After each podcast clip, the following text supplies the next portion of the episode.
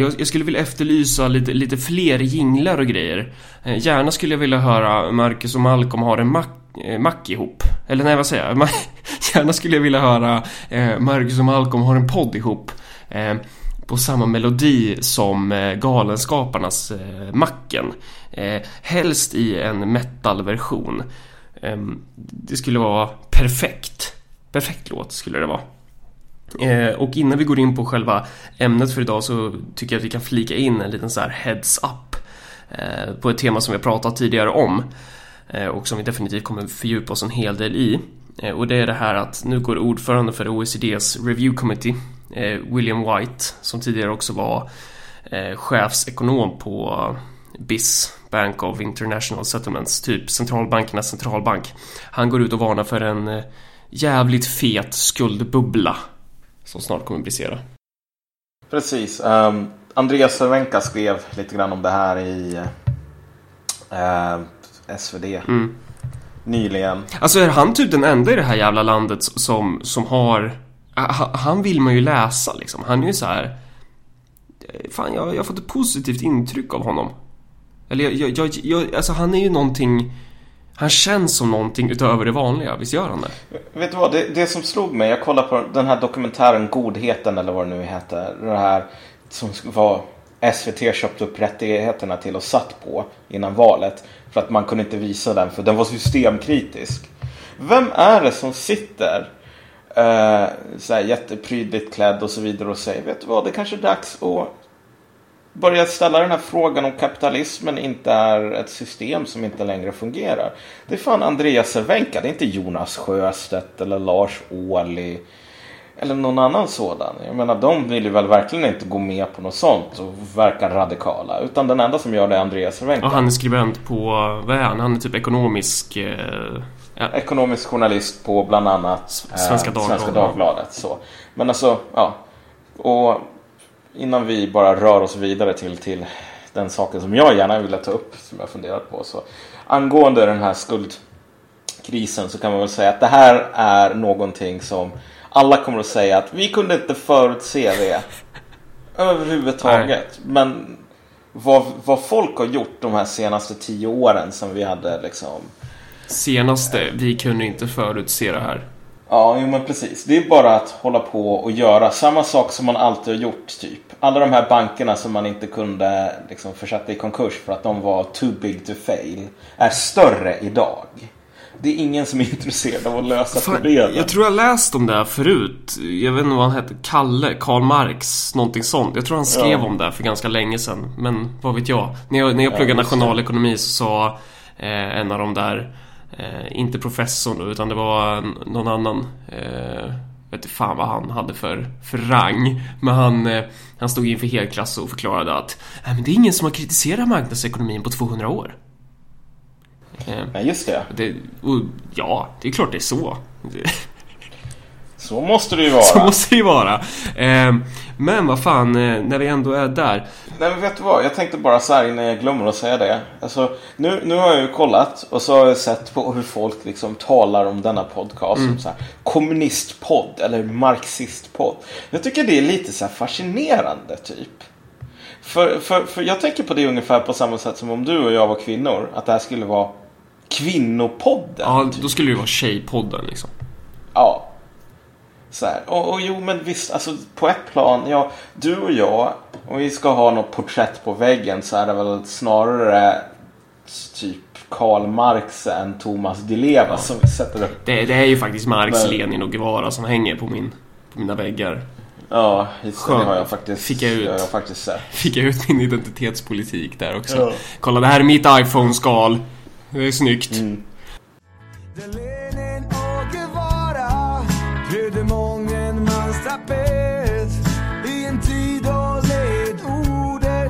Solidaritet Vart tog du vägen, mitt Örebro?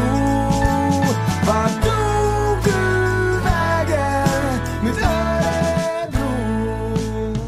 I 80-talets Duble Ja, nej men alltså, men för, för typ det finns ju två aspekter till det här. Mm. Alltså visst, du och jag är väl någon form av marxister så. Kommunister. Även om det finns människor som skulle säga nej det är de absolut inte. Men, men det är väl egentligen inte eh, hela grejen om vi säger Nej men så. alltså det är ju alltid så. Alltså ofta är det ju människor från eh, från vänsterhåll som säger att det är en kommunistpodd. Eh, så här, jag tror att de liberaler, konservativa eller vad fan andra människor som inte identifierar sig som vänster. Jag vet inte om de kallar oss för en kommunistpodd.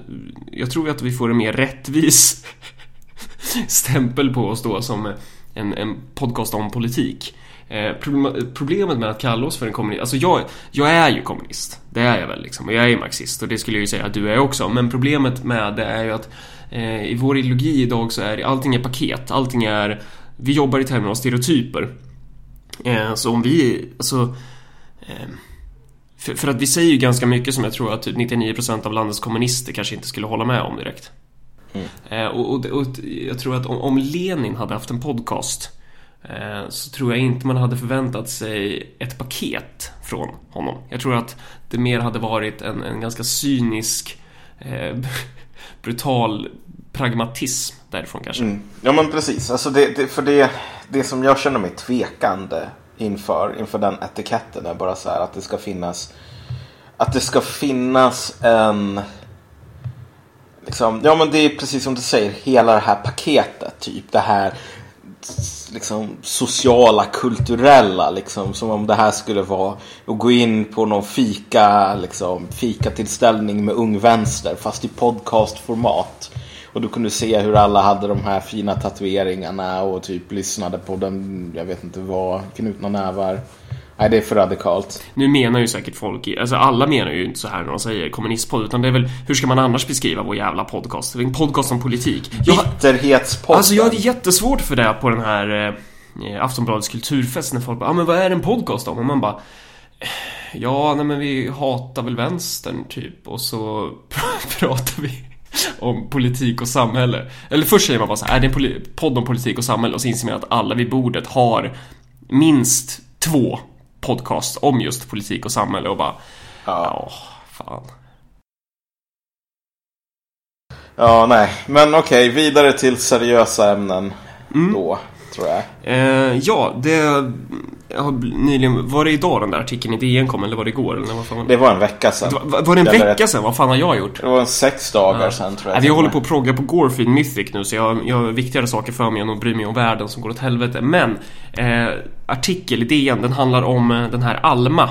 Eh, jag vet inte vad Alma vad det, vad, vad det står för eller om det bara är precis som det är ett namn på det, det är en artikel i alla fall att polisen har börjat mörka eh, vissa brott eh, som, som rör eh, asyl, eh, asylsökande va?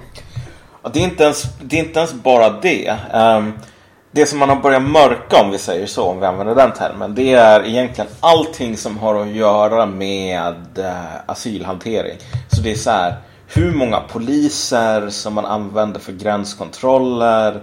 Uh, liksom, all så här brottsstatistik, hur många timmar de här poliserna arbetar, var de är, liknande så här. Allting. Allting är eh, arbetsuppgifter och därmed hemliga så.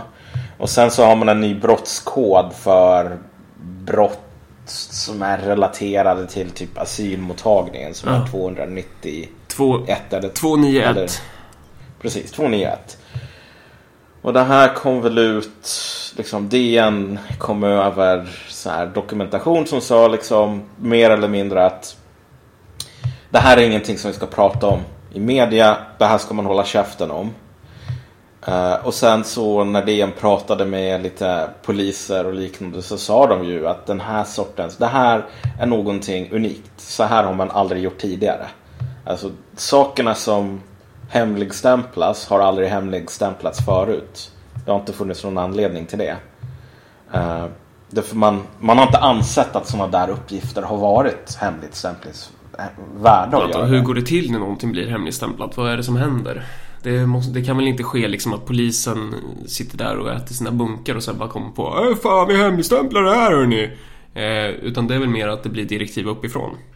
Ja, precis. Sådana här direktiv kommer uppifrån. Och när det kommer från liksom, polisens ledning. då är det antagligen för att de har fått direktiv mm. från regeringen. Varför skulle, vi, varför skulle man vilja mörka sånt här? Ja, herregud, nej. Det finns ju ingen anledning nej. till det. Absolut inte. Vi har ju i tidigare avsnitt har vi pratat om det här med att en problem... Kanske vi kommer in på det här Agnet och paket igen. Att så här, eh, politik idag eh, utförs ju nästan som en kamp mellan de goda och de onda. Nästan lite mm. så. Eh, att på ena sidan så har du typ så här eh, Team John Locke. Människor som tror att människan är till naturen god.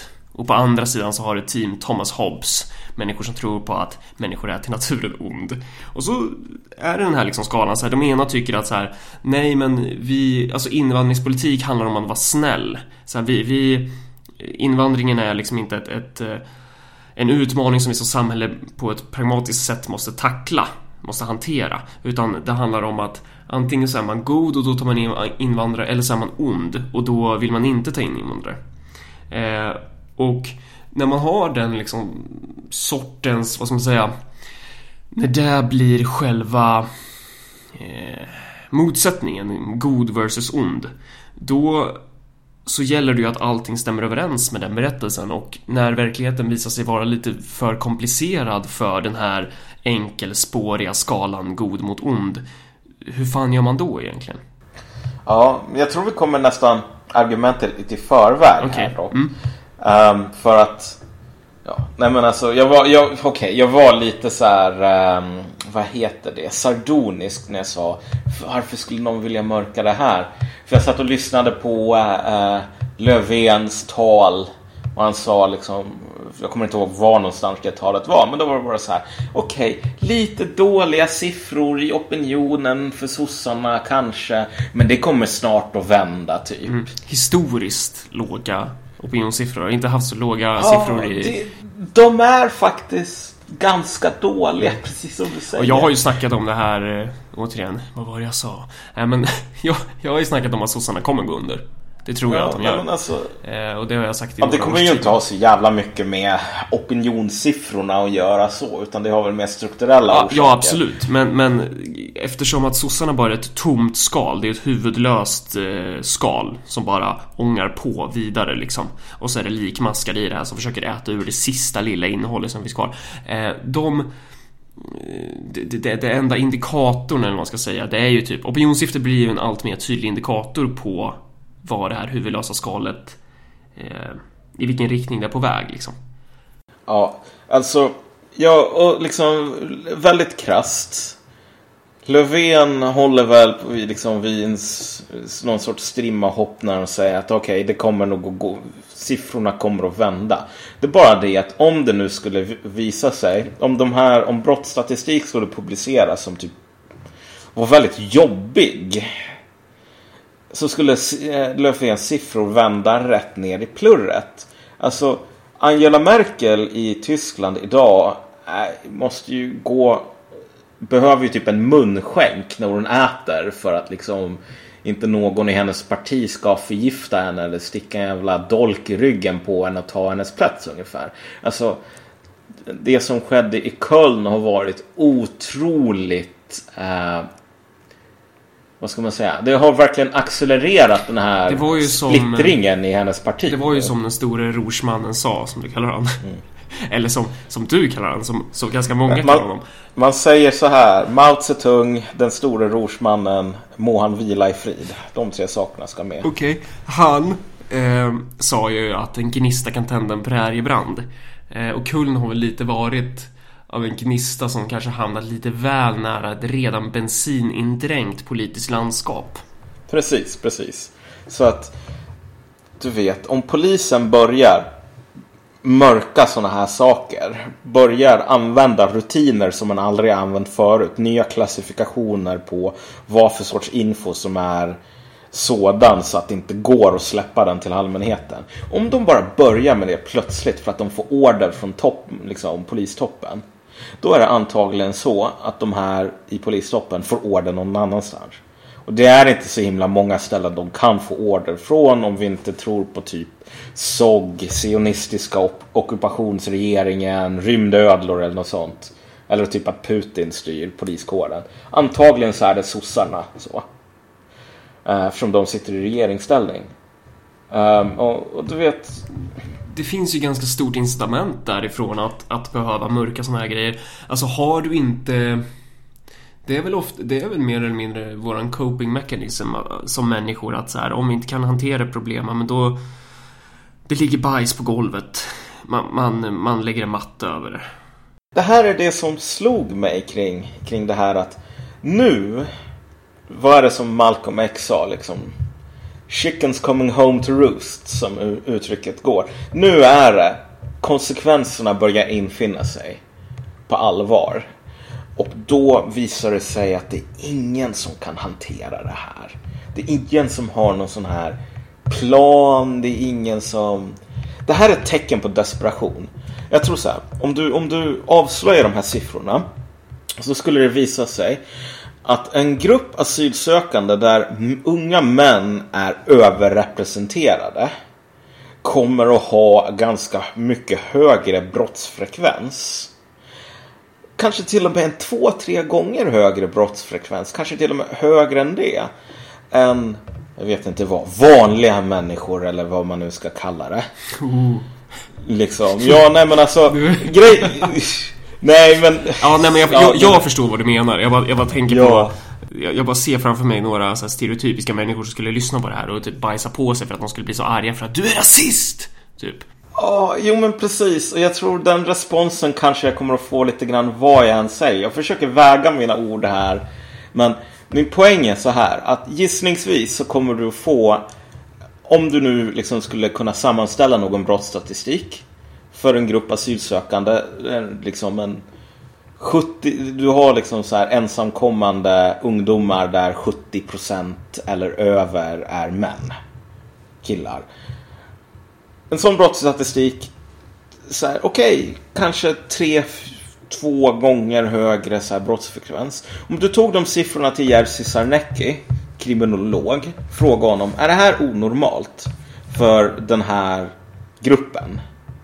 Liksom, under de här omständigheterna med de här materiella förhållandena. Han kanske skulle säga, antagligen skulle han väl säga nej det här är inte så himla onormalt. Det är ganska förståeligt. Vi ska ju definitivt inte lägga ord i hans mun. Men om, om man tog det till någon kriminol, kriminolog överhuvudtaget så skulle det troligtvis bli det här svaret. Och, och då betyder ju inte det liksom att, ja men det är så här för att de här människorna har det i blodet, så här, det här är deras, det här är untermensch, de är barbarer liksom. Nej, min poäng är bara så här att alltså eh, det spelar egentligen ingen roll om en kriminolog skulle säga Vet du vad, det här är inte så jävla konstigt. Det här är helt normalt. Det här är ungefär samma brottsfrekvens som jag vet inte vad svenska killar skulle uppvisa om de flydde från ett jävla inbördeskrig och hamnade liksom i väldigt utsatt läge sådär. Uh, fine. Det spelar ingen roll egentligen. Alltså det, för det vad som kommer att hända om sådana där siffror kommer ut. Det är bara att Socialdemokraterna kommer att inte direkt gå under, men de kommer att få en sån jävla smäll nästa val. Så att det kan bli liksom Sveriges tredje största parti. Sveriges, jag vet inte vad, typ. Få vara ner och kivas med Miljöpartiet om liksom vem ja, men som på är störst. mellan 7 och 15 procent kanske. Alltså ja, nej men alltså det var inte helt otänkbart. Och jag vet inte, alltså det som jag tänker på här är bara att det här är ett tecken på desperation att man gör så. Men att sossarna gör så, liksom mörkar den här informationen. För mig egentligen så det här illustrerar det bara hur bankrutt vänstern är har varit liksom i den, hela den här diskussionen. Jag har aldrig sett en diskussion någonsin i princip om vad man ska göra för att hantera den här situationen så att du inte så att det inte leder till typ social oro. Så att det inte leder till liksom, budgetunderskott som i sin tur leder till social oro och liknande. Problematiken när man ska prata med eh, svenska vänstern är ju oftast att svenska vänstern är ju till övervägande del eh, personer som du och jag typ, som, som kommer från någon slags mellanskikt, alltså arbetarklassens högre skikt som har, har, har haft en ganska haft det ganska gött typ. Eh, det, vänstern återfinns på kultursidorna, vänstern, de bor på Södermalm. Alltså det, det, det är ju som en, en avhoppad nazist sa till mig. Att vi hade en nidbild av vänstern. Och det visade sig att den stämde fast det var typ så här tio gånger värre. Och det, det är så här, när man ska prata med de här människorna eh, så kommer man eh, det, det, I kommunikationen så kommer det ställas upp eh, man, man, kommer behöva Det är en pröv, Kommunikationen, samtalet blir en väldigt stor prövning när man börjar prata om så här eh, Samhällsförändring eh, Migration Sociala problem Sociala problem framför allt eh, Det är ungefär som vad ska man ta? En rasist möter en tiggare på gatan. Rasisten ser att tiggaren har en telefon och då direkt så har den här symbolen i kommunikationen förmedlat till rasisten att så här, man kan inte tro, tiggaren är inte trovärdig. I ett samtal med typ svenska vänstern så blir det ungefär som att social oro är inte trovärdigt. Det är bara något apokalyptiskt från en kommunist liksom. Att så här, och, det beror nog oftast på att de här människorna inom svenska vänstern inte bor i de områden som betalar för politiken. De kommer inte Precis. bo i eh, områden där väldigt många kulturer möts eh, och där det är liksom social, det är inte problem att kulturer möts så, utan problemet är väl snarare så social utslagning liksom. Arbetslöshet, alltså man, man utarmar de här områdena. Och det är inte bara eh, storstädernas eh, förortsområden då, utan det är också bruksorter. Eh, men om du bor i de här områdena så kommer du få uppleva en annan sida av politiken än vad du gör om du sitter på Östermalm och typ de här kulturskribenterna kommer in på samma café som dig själv och sätter sig bredvid dig och dricker sin jävla, vad dricker man för skit där? Ja, det är ju... Det är man, man, Latte ja, man, även nidbilden. De beställer ju inte in en slöskmölj med flöt i alla fall och det... Nej. Ja, då... Men alltså, jag tänkte bara säga så här. Alltså, nu är det väl kanske någon som tänker så här, vad fan håller Malcolm på och säger? Så här, sossarnas beteende visar hur jävla bankrutt vänstern är, hur sämst de är, vad de med sakerna att göra. Det är bara så här. Du vet, alla känner till den här presskonferensen med Åsa Romson och så vidare. Och det var massor som höll på att säga så här. Åsa Romson, inte true, hon är en jävla hycklare, det här är krokodiltårar. Om jag och mina kompisar i den riktiga vänstern, vi som verkligen brydde oss om så här, asylsökande. Då skulle vi inte ha fattat det här beslutet. Vi skulle inte ha den här sortens galna begränsningar. Vi skulle inte ha massor med asylkontroller och vi skulle inte försöka se till så att färre kom till Sverige. Vi skulle välkomna alla. Det är bara det att nu finns de här begränsningarna. Och sossarna idag har ingen annan möjlighet att klara sig än att hålla på med den här sortens hopplösa liksom, mörkläggning som inte kommer att leda någon vart. Och sen så publiceras ändå de här berättelserna om oh, men här hade du en asylsökande som våldtog, här hade du en som mördade och så säger alla bara ja oh, okej, okay, nu håller de på och mörkar så det är väl säkert tusen till som gör det. Så du åstadkommer inte någonting här. Så att det fan, sossarna med de här begränsningarna har ingen plan för att hantera de som kommer. Jag har inte sett någon som helst förslag eller ens en ansats, ens ett intresse till att diskutera hur man skulle hantera de här större siffrorna. Och det här är då inte Jimmy Åkesson som säger det här i den här podden utan det är du och jag. Ja, Ko alltså, kommunisterna. Det är något stort på gång med våra vänner. Det är Marcus och Malcolms podd. Ja, jo men precis. Alltså det är det som är, det är det som är grejen. Jag skulle gärna vilja, om jag kunde, äh, jag säger inte det här för att vara elak eller någonting. Jag säger bara att jag har aldrig sett ett exempel på någon som har diskuterat liksom innan det skedde hur gör vi för att undvika att hamna i den situationen där sossarna är nu? Där de bara, oj jag tänkte inte på att det kunde bli så här Oj då.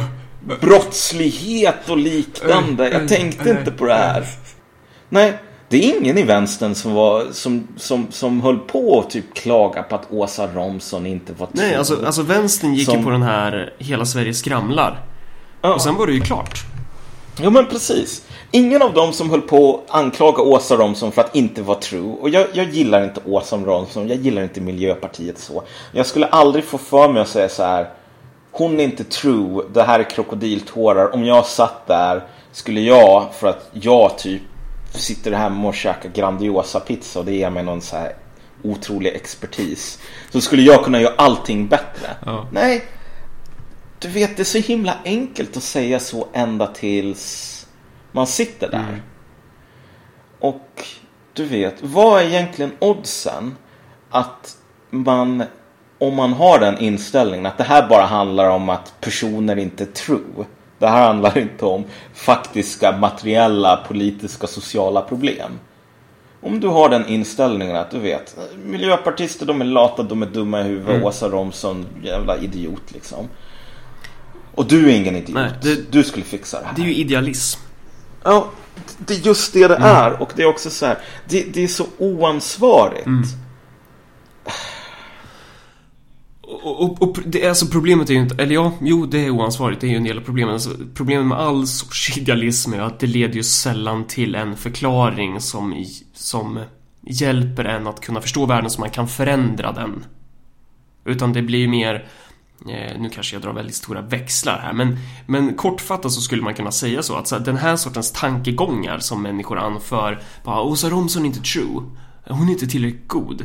Det är så här, det, det leder ju ingen vart. Ingen Ja, vart. nu, nu, nu, nu när du suckar sådär så tänkte jag så här, nu kommer jag på mig själv med att ja, ansvar, ansvarstagande har ju blivit lite av ett skällsord så här. Men jag kanske är jävligt gammalmodig, men jag känner att det ofta finns en jävla fin poäng i typ ansvarstagande. Om det är typ... Jag håller med dig, men, men man menar ju olika saker med ansvarstagande. Vi menar ju någonting annat än vad gemene person i politiska diskussionen oftast lägger i det där intränade lätet. Ja, nej men precis. För för mig är ansvarstagande typ inte så här att säga. Restriktioner i asylrätten är helt fel. Eh, vi kan ta hit ännu fler. Det här är hemskt. Och sen bara, okej, vet du vad? Vi, låt gå, vi gör det. Hur undviker vi att hamna i den här sitsen? Nej, jag vet inte. Jag bryr mig inte. Det är inte mitt jobb. Det här får någon annan sköta liksom. Och det behöver ju inte betyda att man, att man så här... Alltså det behöver inte betyda att lösningen på de här problemen är Sverigedemokraterna, för det är det inte. För Sverigedemokraterna är typ som... Som vänstern fast åt andra hållet. Att det är liksom så här... Man är inte heller så intresserad av att lösa de här problemen. Man är snarare bara intresserad av att spä på den här berättelsen. För om SD skulle sitta på makten, då skulle det mer vara så här... Ja, nu, nu har vi gjort jättemycket restriktioner. Nu har vi så här... Vi har pumpat in lite mer pengar i den repressiva apparaten. Och vad fan Ja. sen då? Det är inte direkt som om så här människor typ kommer sluta komma till landet. Det, är så här, det kommer bara bli... Social oro kommer fortfarande existera. Nej, och det kommer, de kommer inte att göra ett jävla skit om de 10 000 problemen som fanns i det här landet innan asylsökande liksom blev en grej. När jag säger att social oro kommer ju fortsätta... Alltså så här, social oro har ju för det första inte bara med asylsökande att göra. Och här kommer vi in på en intressant grej. Att eh, det finns eh, alltså riktigt jävla retard argument emot invandring. Och så finns det så här argument som jag tycker att, ja men det här är ju fan, det här är ju en poäng liksom. Eh, och det är det som, man får försöka se politik i termer av någonting materiellt snarare än bara en gråvit eller svartvit skala liksom. Eh, där det bara finns två motpoler.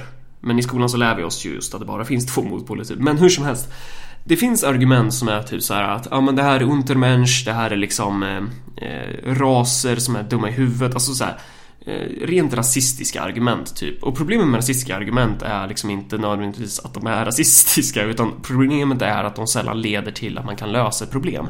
Eh, och personer som har sådana här argument eh, en tendens som jag märker från vänstern är att man gärna vill para ihop Eh, men, sådana människor men personer som samtidigt kan säga eh, det är dåligt att politiker tjänar så mycket pengar. Eller typ så här, det är ett problem att man slår sönder svenska välfärden. Det är ett problem att det inte finns jobb i bruksorten. Man vill para ihop det här till en klump och säga eh, att det är en korkad pöbel typ. Och det, alltså det, det, man märker av den tendensen, i alla fall på den där Aftonbladets kulturfest hos vissa personer, så var det liksom så här med eller, eller andra personer också inom vänstern när man pratar om typ så här social oro och att vi går in mot ett läge där eh, politiska projekt som tidigare kanske inte har varit relevanta börjar bli relevanta.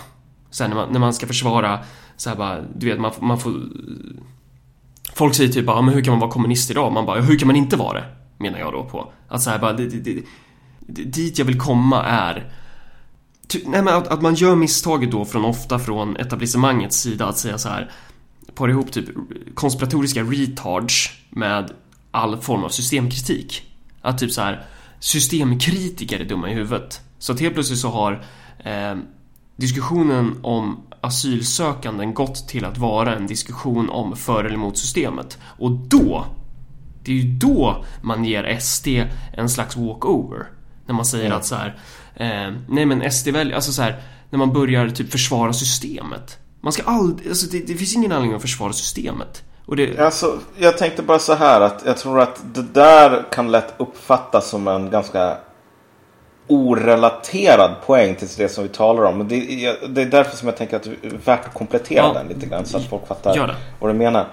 För när du säger att varför försvara systemet? Det som jag tänker på då är bara att hela den här det stora problemet som, som det här eh, eh, Alma och det här direktivet, den här nya brottskoden är symptomatiskt för.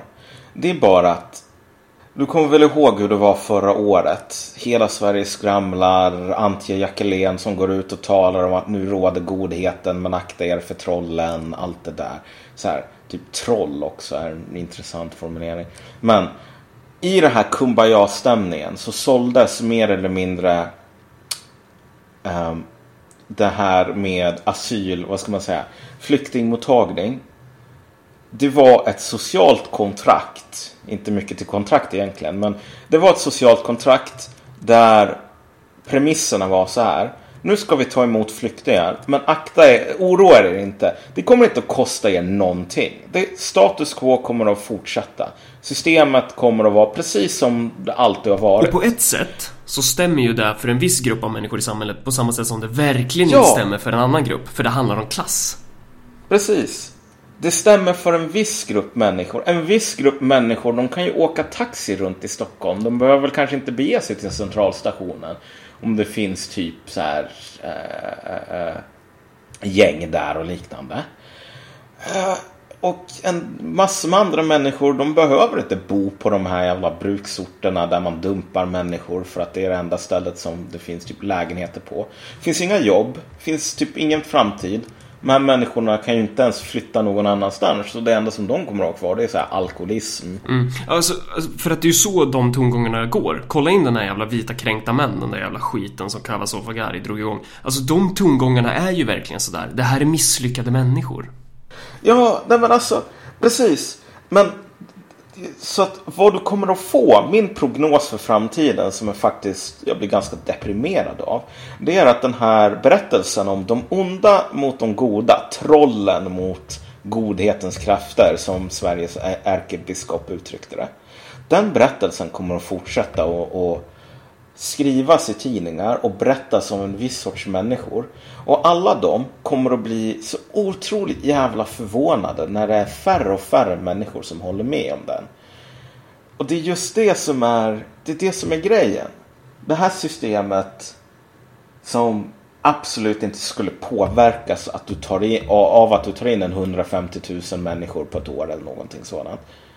Det var ju bara en, en absurd idé att det inte skulle medföra kostnader. Men så länge som man skjuter över kostnaderna på vissa så kan de som inte ingår i den gruppen hålla på och låtsas som att det enda som är att vara för eller emot handlar om moralisk karaktär, liksom din karaktär, om du är en bra eller dålig människa. Och det som gör mig så himla deprimerad här är att jag skulle, jag har ingenting emot och ta liksom, asylmottagning, ta emot flyktingar eller något sådant. Det som jag har något emot, det som jag tror är väldigt problematiskt, är bara när du säger så här. Jag skyfflar över kostnaderna. Jag skyfflar över och hantera konsekvenserna på någon annan. Någon annan får fundera ut sånt där. Det är statens jobb, eller det är borgarnas jobb. Och det ligger ju verkligen i linje med den förda politiken på i princip alla områden att så här, det blir externaliteter. Det är bara så här, ja vi har jättemycket pengar i den svenska statskassan. Det är typ så här 500-600 miljarder. Kolla hur mycket pengar vi har. För vi behöver inte prata om att vi har typ 2400 miljarder i privat skuldsättning. För det behöver vi inte visa här liksom. Alltså det blir en externalitet. Alltså att man, man pratar i de termerna. Bara så, ja, det kommer in en massa asylsökande eh, och, och du vet ett alternat till det där borde ju vara att försöka ha en helhetssyn.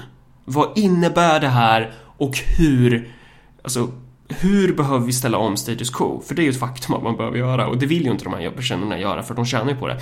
Hur behöver vi ställa om samhället för att kunna hantera de här utmaningarna? Nej men precis. Liksom, jag kan gå ut på min jävla Facebook-vägg och se typ tusen olika människor som håller på och postar om ah, bara för att markera hur, hur bra de är som personer för att de tycker rätt saker. Och jag tycker så här att är det vänsterns jobb att vara bra personer? Är inte det snarare att försöka lösa sådana här problem? Men intresset för det är obefintligt. Så därför tror jag att om en person, om du satte sådana människor som tyckte att Åsa Romson inte var true, som begränsade, liksom, gick med på kompromisser och så. Och, och de fick sina maximalistkrav igenom. Då skulle de ha typ inte bara en utan två nya brottskoder och komma med ännu mer direktiv om mörkläggning och liknande. Därför att i slutändan så skulle de lite för sent inse att det är jävligt enkelt att ha åsikter om andra människors dåliga karaktär. Det är väldigt mycket svårare att lösa sådana här all, liksom, socioekonomiska, politiska, geopolitiska problem. Och det finns ju ingen plan för de här människorna att, att, att hantera sociala explosioner. Det finns ingen vilja att ta fram en plan heller. Nej, och, det är det som är... dels, även om de skulle typ så här, inse allvaret så skulle de ju inte kunna... För att jag, alltså de här människorna, vi menar ju inte på att de här som bor på Södermalm Eh, de är ju inte onda heller liksom. Utan de är ju också en produkt av sin omgivning. Vi är, vi är ju av den sortens eh, cyniska, tråkiga idétradition. Där vi tror på så här materiella förklaringar. Eh, att, att de här människorna, hur ska man säga? Det skulle ju vara konstigt om människor i en isolerad bubbla inte typ trodde att de räddade världen när de har skramlat ihop på en gala. Att de, då mm. kan de återgå till sina jävla liv. Men du vet, för en person som på något sätt vill vända upp och ner på det här jävla samhället och rycka upp vissa saker med rutterna så kanske jag tycker att... Eh, eller hur ska man säga? Att jag har, en, jag, jag har nog en lite annan eh, strategi eller plan eller idé kring hur man borde bedriva den här sortens politik. Mm. Nej men precis, alltså hela... Jag tror att den här mörkläggningen inte kommer att kunna hålla så himla lång tid till sådana här saker brukar inte göra det och nu i ett läge där folk, tyck, folk som vill tycka en sak kan tycka det. De kan gå ut på avpixlat och läsa om alla de här liksom, mörka horderna som håller på och våldtar och rövar och allting sånt.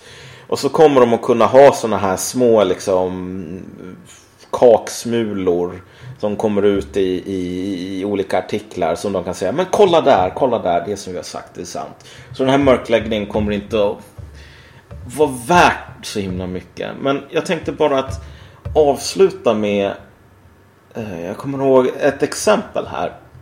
Lite grann på vad vi har talat om.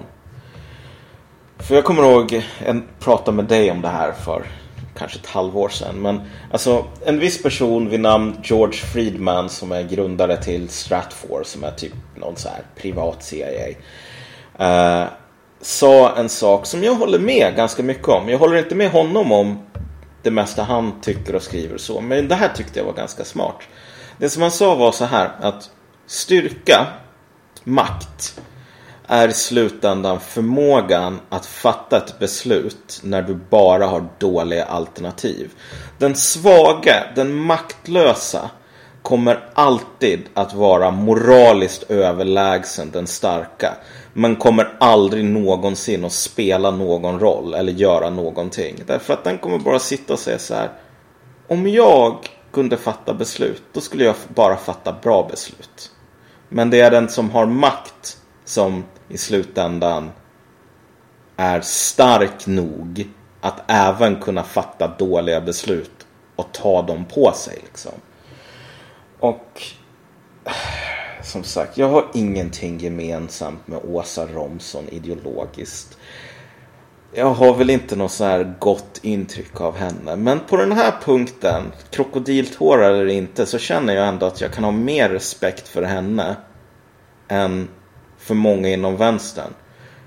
Därför att hon är väl kanske inte lika svag. Och hon glorifierar inte svaghet kanske. På samma sätt som vi har börjat göra i vänstern nu. Där vi har börjat hylla mm. våran egen oförmåga. Liksom. Där känner du lite av en örfil när du säger vi inom vänstern. Det finns ja. inget jävla vi inom vänstern. Jag är inte en del av vänstern, du är inte det. Alltså vänstern, svenska vänstern i bred bemärkelse, de är en del av eliten.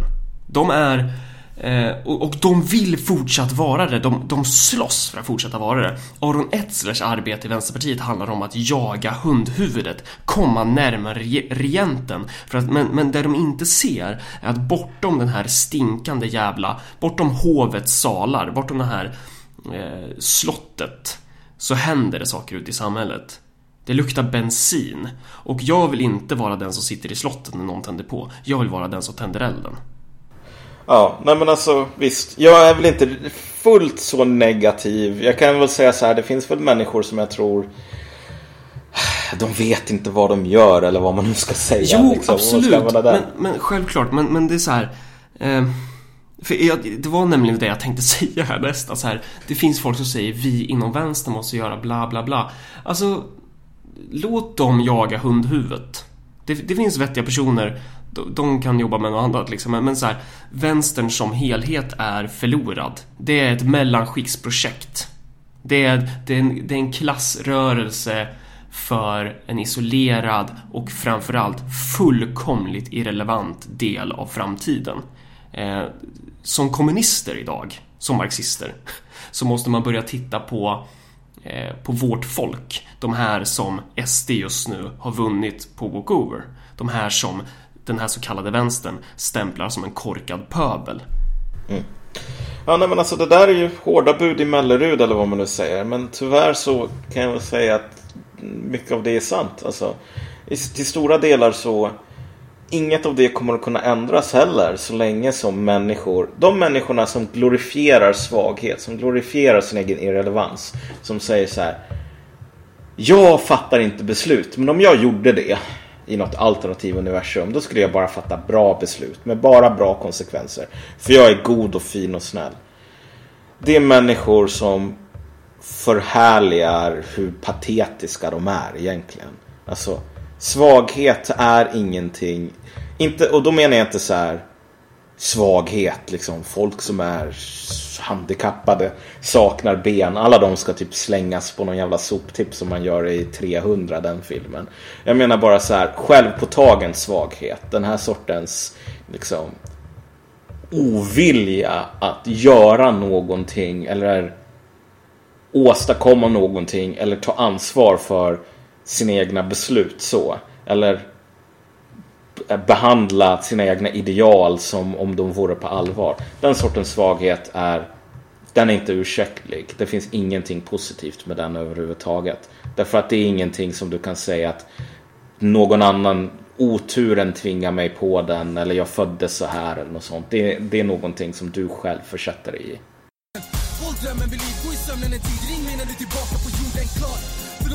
Om man gillar det man lyssnar på så kan man skicka en gåva via Swish till 0790 1072 23. Och om man inte vill eller kan eller hur det nu är med det så kan man ju också göra en, en annan grej också. Det är ju att dela det här avsnittet. Sprid podcasten. Ja,